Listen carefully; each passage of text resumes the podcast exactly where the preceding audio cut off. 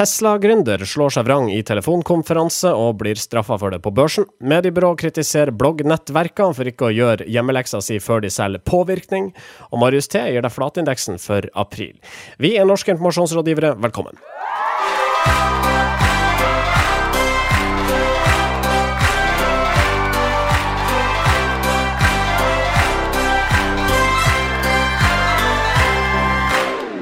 Jeg heter Marius Staulen. Denne sendinga presenteres av medieovervåknings- og analyseselskapet Retriever. Jeg er ikke alene, for i studioene til Moderne Media sitt Sindre Holme.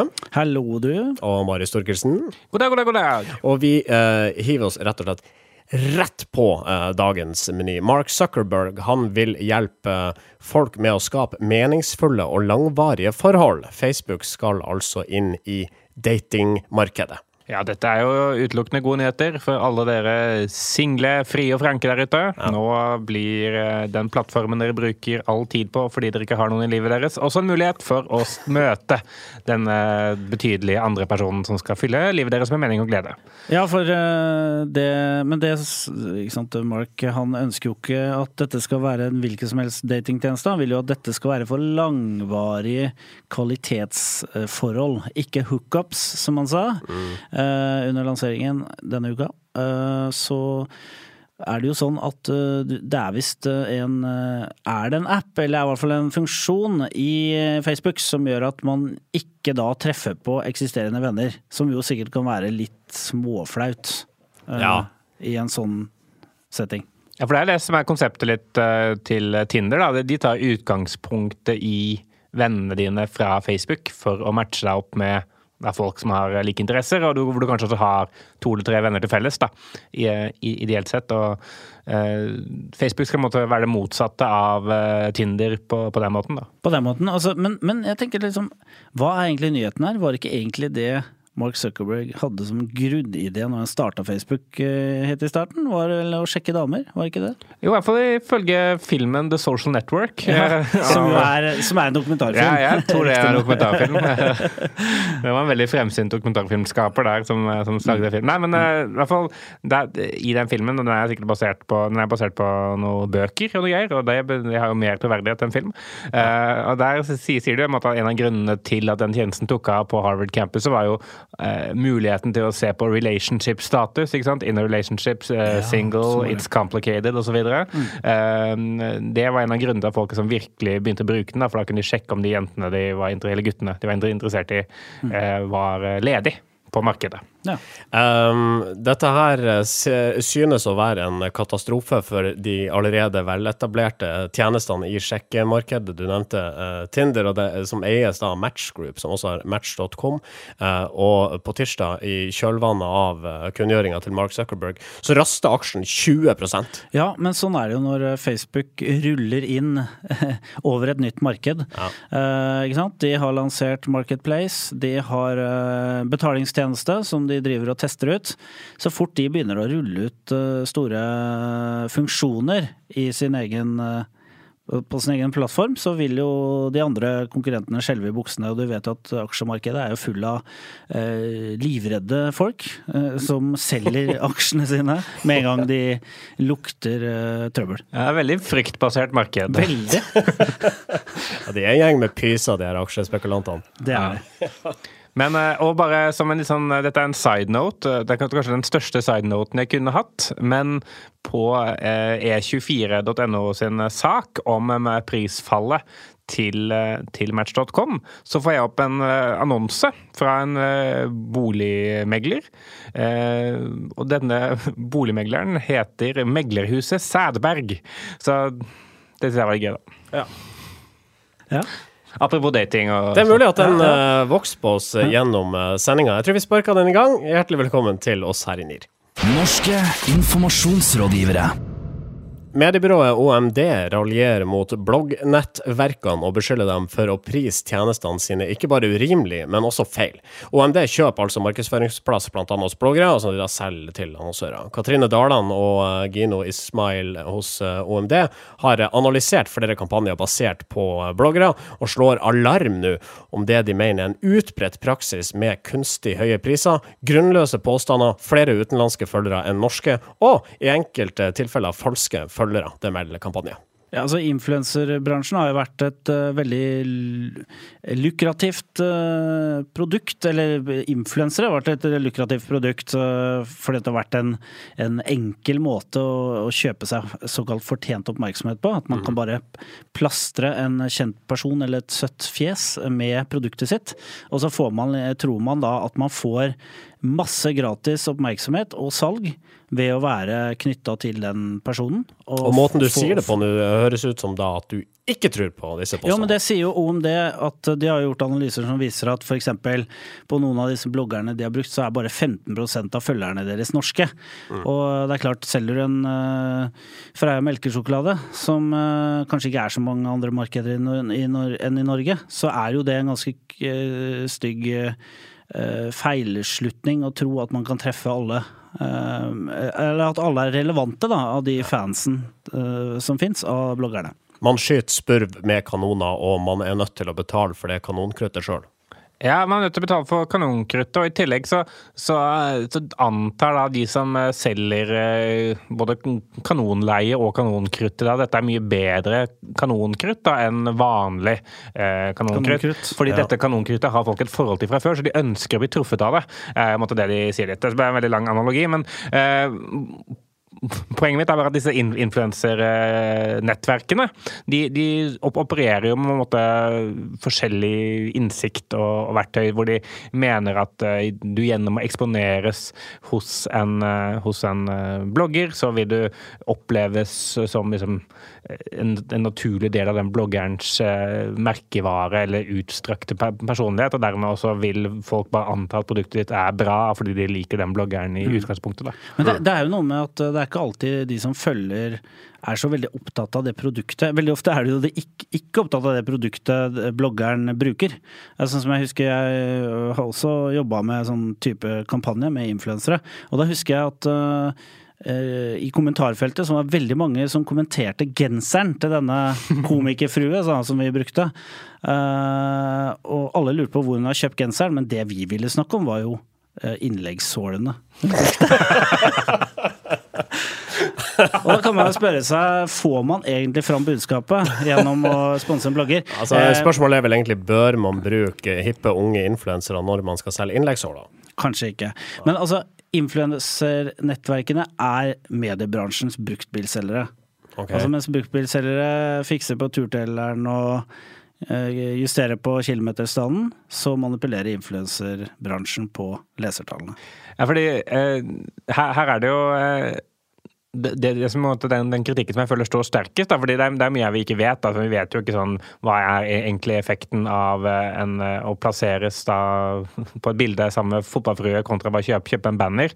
Eh, men det vi, jo, det vi, jo, vet, og som influensernettverkene ikke har tatt, eh, tatt, hånd om, er nettopp det at de har ikke verifisert det her med følgere. De har ikke tatt initiativ selv til å se på hvor mange av følgerne er norske internasjonale. Nå snakker jeg eh, om over veldig Nå kuttskjærer jeg alle over en kam, men mm. Eh, så vidt jeg kan se, så er det ingen som liksom, vi aktivt går inn for å si at her er det faktisk disse personene som er relevant for den, den, din merkevare. Det er bare solgt i volum. Sagt at Fotballfrue har 150 000 følgere. Alle disse kommer til å se dine innleggsholder hvis du bare gir oss penger. Og, og 50% av de, eller, eller, flere mest sannsynlig, bruker ikke disse innleggsholdene. Så det er egentlig disse altså, Jeg har vanskelig for å bruke det ordet influenser, men jeg får gjøre det, da. Altså, disse influensernettverkene de har samla ressursene, men de har ikke strukturert, organisert og prissatt dem uh, korrekt nødvendigvis hevder OMD, i hvert fall.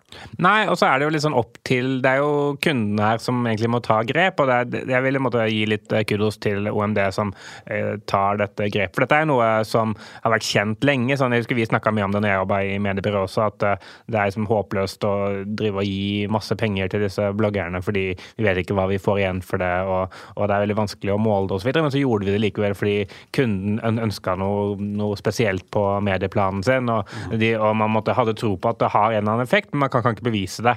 Så ingen har egentlig heller vært gode nok til å stille krav, da, i hvert fall ikke offentlig.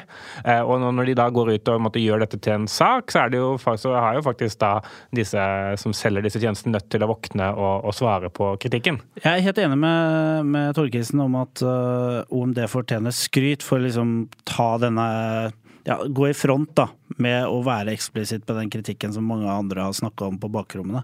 Eh, men så tenker jeg også at uh, bruk av influensere er en slags latskap. Det er en måte å få oppmerksomhet på. Å kjøpe seg oppmerksomheten istedenfor å gå noen runder med å se hvordan kan vi gjøre noe kreativt f.eks. isteden, uh, for å få fram produktet vårt på en spennende måte.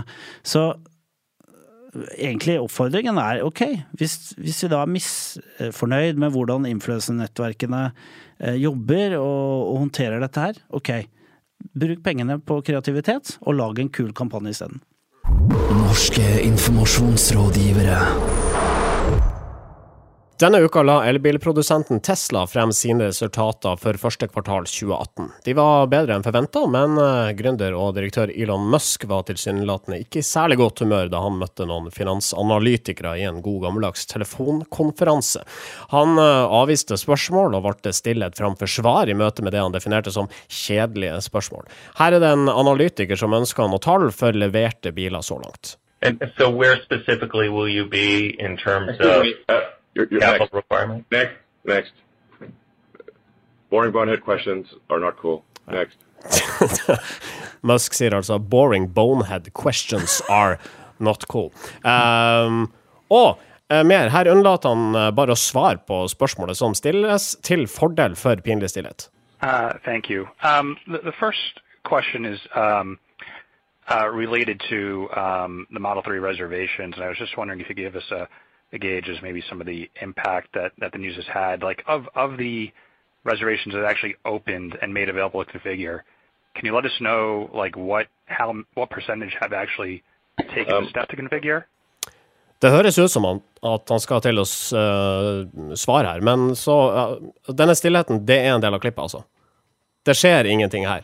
Det, alle sitter bare og ser forvirra på hverandre. We're gonna go to YouTube. Sorry. These these questions are uh, so dry. They're killing me.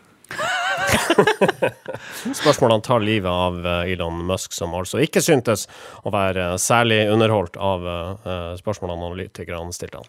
Nei, dette er jo dette er ny mediestrategi som ikke jeg har fått med at er viable, men det, man kan tydeligvis bare angripe spørsmål. Dette er jo veldig kjent. Jeg får litt sånn, sånn flashback til typ sånn Alex Ferguson og, og pressekonferanse med sånn ja, fotballtrenere. Mm. litt sånn hissige for fotballtrenere. De pleier ofte å angripe spørsmålsstillingen hvis de ikke vil svare, eh, og kjefte på, på pressen jeg mener at eh, de ikke forstår hva de prøver å få til i det laget de er i. Eh, jeg har ikke sett liksom næringslivsledere gjort det. Og så er jo måte, det er kanskje at han har rett, at det er kjedelige spørsmål og at han ikke gidder å svare på det, men det blir ekstra spesielt i og med at Tesla har jo vært i en veldig pressa situasjon nå ganske lenge. Sånn, det har vært noe kontroverser rundt, rundt biler som har måttet bli tilbake tilbakekalt, de har levert mye dårligere vekstrater enn det som var forventa. De har hatt eh, en, en, hendelse hvor en person ble påkjørt og drept, uvisst hva som mm. egentlig det skyldtes, osv. Så, så måtte kombinasjonen av det store presset med at Elon Musk nå eh, får en sånn type sak hvor han framstår som ganske usympatisk, det, det, er jo ikke positivt. Og, og børsen også svarte jo på, på denne telekomkonferansen ved å sende aksjene med 10, 10 eller 8,4 ja. Altså Musk eh, omtalte jo noen feil, eh, eller som ulykker med bilene, eh, på en ganske sånn kald måte. At det var liksom sjåførfeil. Det var sjåføren som hadde dumma seg ut og dødd. Ja, oversatt på en litt flåsete måte fra meg. Men han, ja, han var, var, vel ikke helt i slag under denne brifingen. Og det er noe med Elon Musk Uh, er, han sier f.eks. at volatilitet, altså, som handler om uh, usikkerhet i kurs da, for aksjer, det, de som er opptatt av det, de bør ikke kjøpe aksjer i hans selskaper. Og det får han veldig uh, kanskje gått fram her. For Elon Musk har jo alltid vært sånn en type som aldri har vært redd for risiko. Altså han, han var jo med å starte PayPal i sin tid og tjente masse penger på det, men solgte, solgte seg ut og brukte alle pengene på Tesla. Han satte ikke, satt ikke masse penger i banken for å være liksom på den trygge siden, men sats, han satser alt, og han satser alt på å komme til Mars med en romrakett. ikke sant? Og så Han gjør alle disse tingene, og føler seg vel også øh, på en måte litt alene om den herre ja, men Ser du ikke at jeg er en visjonær? Altså, mm. eh, glem desse, denne aksjekursen. Det, det, har ingenting å si. Man kan, kan, jo si at selv Tesla og selv Elon Musk, som jo er beviselig en, eh, en ja, han er jo en visjonær person som har fått til eh, ganske utrolige ting. Selv han trenger kanskje goodwill, og trenger at folk faktisk har lyst til å jobbe for han. Spesielt når han skal måtte altså, han, Det har blitt trukket litt sånn paralleller til, til, Steve Jobs og måten han har blitt beskrevet på, hvordan han drev Apple. Uh, men han skulle tross alt bare i gåstegn lage telefoner og musikkspillere. Altså, Elon Musk skal jo revolusjonere en hel industri og sende folk til Mars. Og, og, og ikke bare én industri, men alle industrier han er involvert i. For han skal ja. jo også uh, lage rørpost under jorda uh, for å frakte folk i rekordfart fra by til by. Det... Han, er jo en, han, han, er jo en voldsom fyr, altså fyren. Vi må jo, altså, må jo si det. Altså, det enkelte som har en drive, er rett og slett ikke forstår. Elon, Elon Musk er en av de. Ja, han er helt ekstremt. Jeg har lest den der selvbiografien hans, og der kommer det fram hvordan liksom, kalenderen hans ser ut. da. Og eh, det var et eller annet på et eller annet tidspunkt så skulle han prøve for seg, få seg kjæreste. Og da sa han at ja, jeg har 25 minutter på tirsdag og 50 minutter på torsdag. Eh, og da er jeg i, i din by. Skal vi møtes da? Altså, han er ekstrem eh, på alle mulige måter. og har jo investorer i ryggen som tror på han, ikke sant? og han, han tenker langsiktig. Fyren har jo Fyren er, og det er jo ikke tull, fyren ønsker jo å redde planeten. Det er derfor han lager elbiler. Og, er, og han tror at menneskeslekten bør uh, etablere seg på Mars uh, for å liksom kunne leve videre. Så det er jo ekstremt lange tidshorisonter han han planlegger etter. Da. Og det er vanskelig for eh, småsparere og aksjonærer som eh, gjerne vurderer å kjøpe og selge aksjer i en sånn perspektiv på en og to måneder og kanskje toppen et år. Avsluttende ord. Elon Musk, eh, Amerikas Rakett-Madsen. Ja. Men, ja, ikke sant. Han er jo Amerikas Rakett-Madsen, men uh, han er jo ikke gått så langt at han begynte å partere folk ennå, så jeg syns ikke vi skal lage for mye oppstyr rundt dette her. Nei, men eh, så må jo heller ikke disse analytikerne stille for teite spørsmål. Nei, for da Nei. kan det jo hende, faktisk. Nei, sett hva som kan skje når journalister ja. går over grensa. Mm. Norske informasjonsrådgivere. Eliteserien er godt i gang, og et av lagene i landets øverste divisjon er Lillestrøm. Nå har VG og LSK og Eurosport inngått et samarbeid der tabloidavisa gis full tilgang til elitelaget gjennom hele sesongen. Um, og leserne, seerne får være med både inn i garderoben, ut på treningsfeltet og på spillermøter. Vi skal høre et klipp fra en av episodene. Her hører vi Arne Erlandsen kjeft på spillerne sine. Vi må begynne å sette enda større krav til oss sjøl, og vi må faktisk se hva som skjer i kampa. Og så kan dere titte og tenke for dere sjøl. Løper jeg 100% hjem nå? Sammenlignet med Stabæk-spillere. Løper jeg 100 hjem? Charles is running 100. 100! 100% Åssen kan løpe fem meter fortere enn deg på 30 meter? This is attitude. Doing the job. 100% You did it. Good, Charles. You must do it every time. Every player must do it every time. Otherwise we lose. To win matches in the Elite Series is a war. You must win the war. Du må vinne krigen for å vinne Eliteserien. Det er ikke så ofte man kommer så tett på spillere og trenere i uh, Eliteserien eller noe som helst annet sted. For den saks skyld spennende i så måte. Ja, jeg, jeg syns det er veldig fascinerende. Det er kult uh, av Lillestrøm å slippe VG og Eurosport til på, på denne, denne, måten. Fordi det, det, jeg savner med Jeg er jo veldig fotballinteressert selv, det skal sies. Men jeg har ikke fulgt Eliteserien veldig tett de siste årene. Uh, selv om jeg, måtte, jeg er jo Sandefjord-fan uh, teknisk sett, uh, og de akkurat rykker opp i så har jeg liksom ikke den entusiasmen jeg hadde før. da.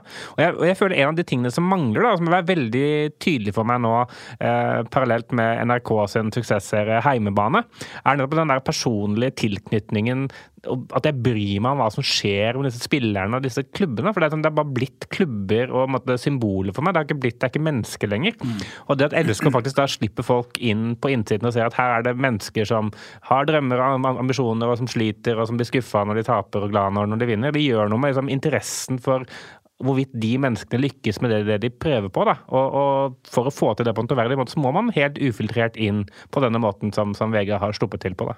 Jeg synes det er veldig fascinerende akkurat det, for det, akkurat det du sier der, at du får fram at de hele tiden er på kanten. De har, de har 90 minutter eh, hver uke hvor de må prestere Eh, sitt beste for å kunne fortsatt ha en jobb, egentlig.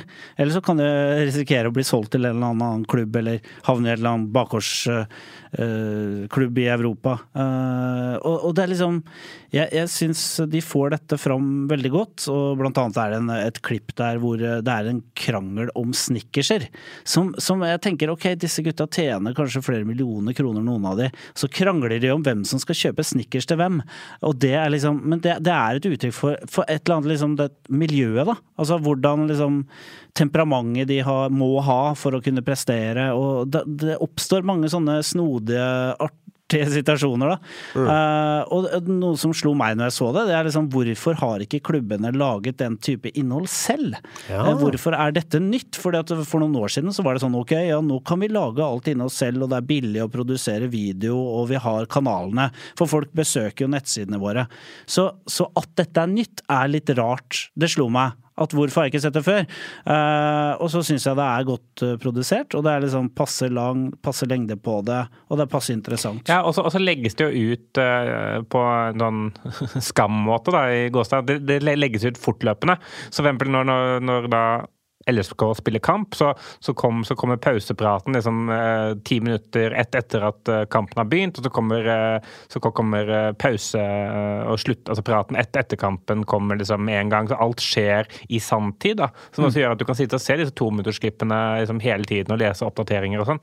Eh, og da, føler, da kommer du tett på på en annen måte da, hvis det blir sluppet en dokumentar halvtime hver fredag, f.eks. Yes. Ja. Så, så, jeg synes det liksom, det, er, det er veldig bra gjennomført. da, og, og jeg tror det er det som skal til for å skape entusiasme, er liksom at du bare viser uh, hva som skjer, da, og at uh, ja, det går opp og ned. Hvis uh, eh, uh, VG hadde besøkt Sandefjord på samme vis, da hadde du sittet klistra hver søndag, du Marius? Ja, det hadde jeg sannsynligvis gjort. Og jeg er faktisk mer Jeg føler jeg er nesten mer interessert i Lillestrøm nå enn jeg er i Sandefjord. Mm. Selv om Sandefjord har hatt en helt forferdelig start på sesongen og sparka treneren. Tidligere Lillestrøm-spiller Magnus Powell, for øvrig. Nå etter fire runder. Så det er jo, det er jo ikke hva som skjer i Vestfold, men, men noe, noe, noe må skje. Det er du som utrydda den begalske tigeren, altså. Brukte du alle kommunens penger på PR-byrå? Flyttet du makt i favør av andre enn dine oppdragsgivere? Sendte du hatmail til innvandrere mens du satt i regjering? regjering? Dette skal ikke skje. I forhold til det så legger jeg meg flat. Det var ikke meningen at du skulle finne ut det. Jeg legger meg flat. Nå ble det veldig mye negativ presse. Jeg legger meg flat. Jeg tar dette til etterretning og legger meg paddeflat. Jeg legger meg flat flatindeksen. Norske virksomheter og folk generelt legger seg flat for å slippe kritikk, noen ganger berettiget, men oftere bare for å få fred fra pressen. Vi i NIR er ikke spesielt begeistra for grepet, og måler av bekymring utviklinga fra måned til måned. Vi skal straks få et par eh, eksempler på flatlegging eh, her fra Marius T, vår fremste ekspert på flathet. Først, hvor mange flatlegginger har du registrert i april? April eh, landet på 30 flatlegginger, et rundt tall. Det er ikke så ofte for oss eh, flathetseksperter at vi får oppleve det, så det er, det er eh, fjær i hatten til oss. Ja. Jeg vet ikke om jeg brukte det riktig, men det er i hvert fall positivt, oppsiktsvekkende og, og, og så videre. er det både positivt og oppsiktsvekkende? Ja, det, det, vil jeg si. Dette, dette, er en, uh, dette, er en, stor dag i flatleggingsforskningsmiljøet. Mm. Uh, og denne spalta er grunnen til at vi samarbeider med Retriever, for du har vært i arkivene og søkt? Ja, jeg er inne i Retriever, og så, og så teller jeg opp uh, det som, hvor mange som har lagt seg flat, og så fjerner jeg alle de kronikkene hvor folk skriver at Norge legger seg flat for muslimer.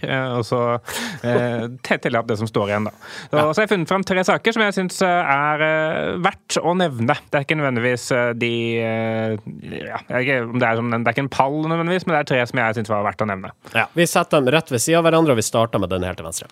Helt, helt til venstre så er det en sak fra I Tromsø, skrevet 16. april. Jeg vet ikke om dere husker, det var litt sånn oppstyr og kontroverser i april rundt en sånn rabatt på påfylling av, av lepper for folk som var russ.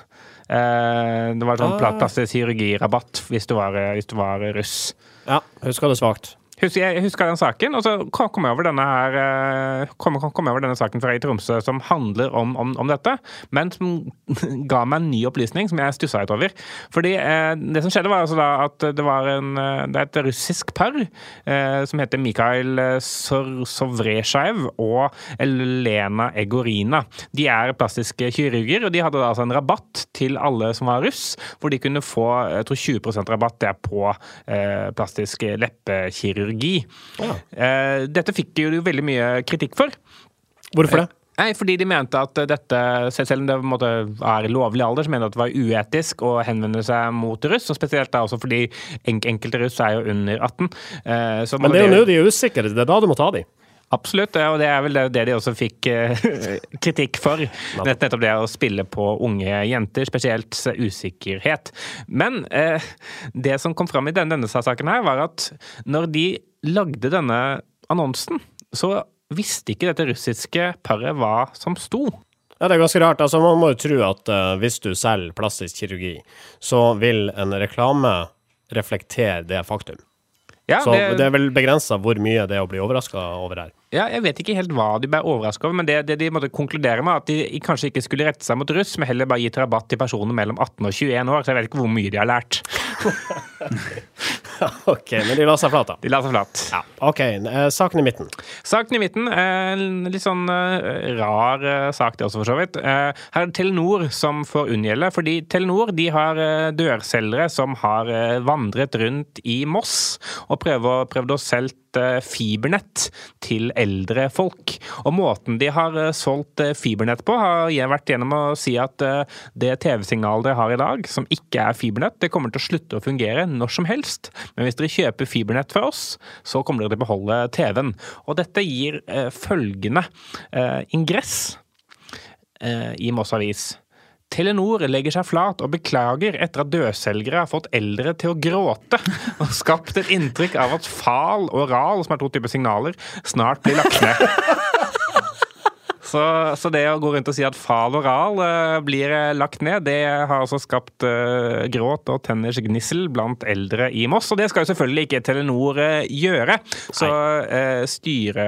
Nei, ikke styre, styreleder, men salgssjef, tror jeg, i, i Telenor. Han uh, sier at uh, uansett hvilke selskaper selgerne kommer fra, så er slik uh, oppførsel totalt uakseptabelt. Og hvis det dreier seg om selgere fra Telenor, så han tar det med klipp, klipp og salt, så beklager ja. vi det på det sterkeste. Ja. OK. siste sak i dag, helt til høyre. Siste sak til Høyre er en, en sak som jeg kom over på faktisk.no. Eh, og dette er i forbindelse med ACER, eller ACER, eh, denne energi... Eh, Energimarkedspakka. Ja, energimarkedspakka, ja, som ble, ble, besluttet også nå i april. Som ble solgt av dødselgere i Moss. Fordi Fall og Al skal legges ned. Ja. Nei, men eh, faktisk.no de har ettergått eh, Rasmus Hansson i Miljøpartiet De Grønne, og en påstand han kom med er i eh, debatten på NRK 22 mars. Denne saken er fra da litt ut i april. Eh, og Rasmus Hansson han sa i debatten at ingen i norsk miljøbevegelse er mot ACER. Så da har faktisk eh, ringt rundt da, til alle i, eh, i, norsk miljøbevegelse og funnet ut om det er noen som er mot. De har ringt Bellona, de var for. WWF, de var for. Zero var for. Natur, Naturvernforbundet var nøytrale. Eh, fremtiden vår hender, ikke tatt stilling. Greenpeace, ikke tatt stilling. Natur og Ungdom, ikke tatt stilling. Besteforeldrenes klimaaksjon, ikke tatt stilling. Men Norges Miljøvernforbund, eh, med eh, Kurt Oddekalv i spissen, de var for ACER. Så da måtte jeg altså faktisk ringe tilbake til Rasmus Hansson, som sa OK, jeg legger meg flat. Det stemmer at Oddekalv sier nei. Han vil ikke anerkjenne at det er hele Norges Miljøvernforbund. Nei. Men, eh, men, alle de andre, da, de, har, de, er for, eller ikke tatt stilling. Så eh, litt stikk til Rasmus Hansson der. Eh, han må sjekke at alle er for, før han sier at alle er for. Det syns jeg fall, eh, faktisk at den var riktig. Ja. Det er veldig viktig å sjekke dine fakta før du går ut i offentligheten med dem. Og det gjelder flere enn Rasmus Hansen, selvfølgelig. Ja, så syns jeg bare sånne saker er fine, fordi her sier Rasmus Hansson sitat OK, jeg legger meg flat. Mm. Ofte så er jo de sakene her liksom at mediene legger folka flat på vegne, fordi de folka sier at de angrer. Men når folk faktisk sier sitat, jeg legger meg flat, da må, da må saken med. Ja, og du gjør rett i å spare den helt til sist. Tusen takk. Norske informasjonsrådgivere. Helt på tuppen her eh, så gratulerer vi Gard Micaelsen og Medier24 for prisen de ble tildelt under nordiske mediedager.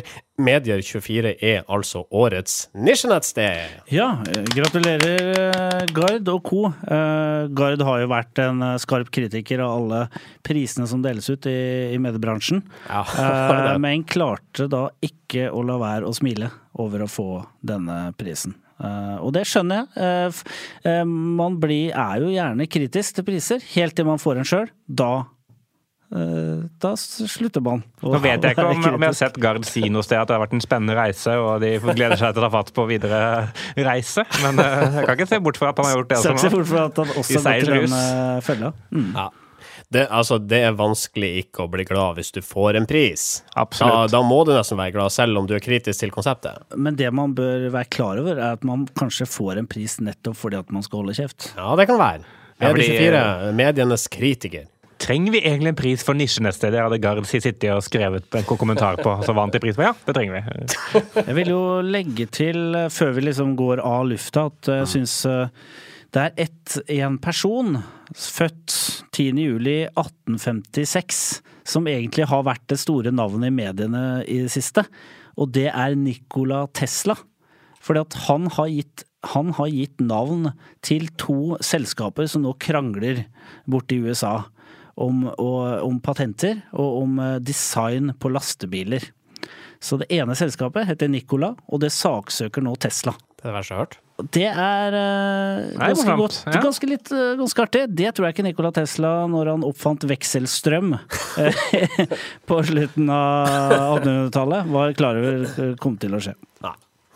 Ok. Uh, NIR spilles inn i studioene til Moderne Media, en av de største produksjonsselskapene innen podkasting her til lands. Du finner dem på modernemedia.no. Takk også til våre venner hos Kreativt Forum, kreativtforum.no. Vi er tilbake om ei uke, og du finner oss i mellomtida på facebook.com slash nearcast, uh, soundcloud.com slash nearcast, og selvfølgelig i uh, iTunes. Legg gjerne igjen en, en karakter og en liten kommentar hvis du liker det du hører.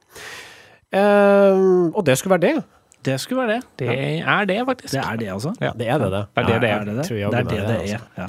Vi høres igjen om en uke, og frem til da Ha det bra!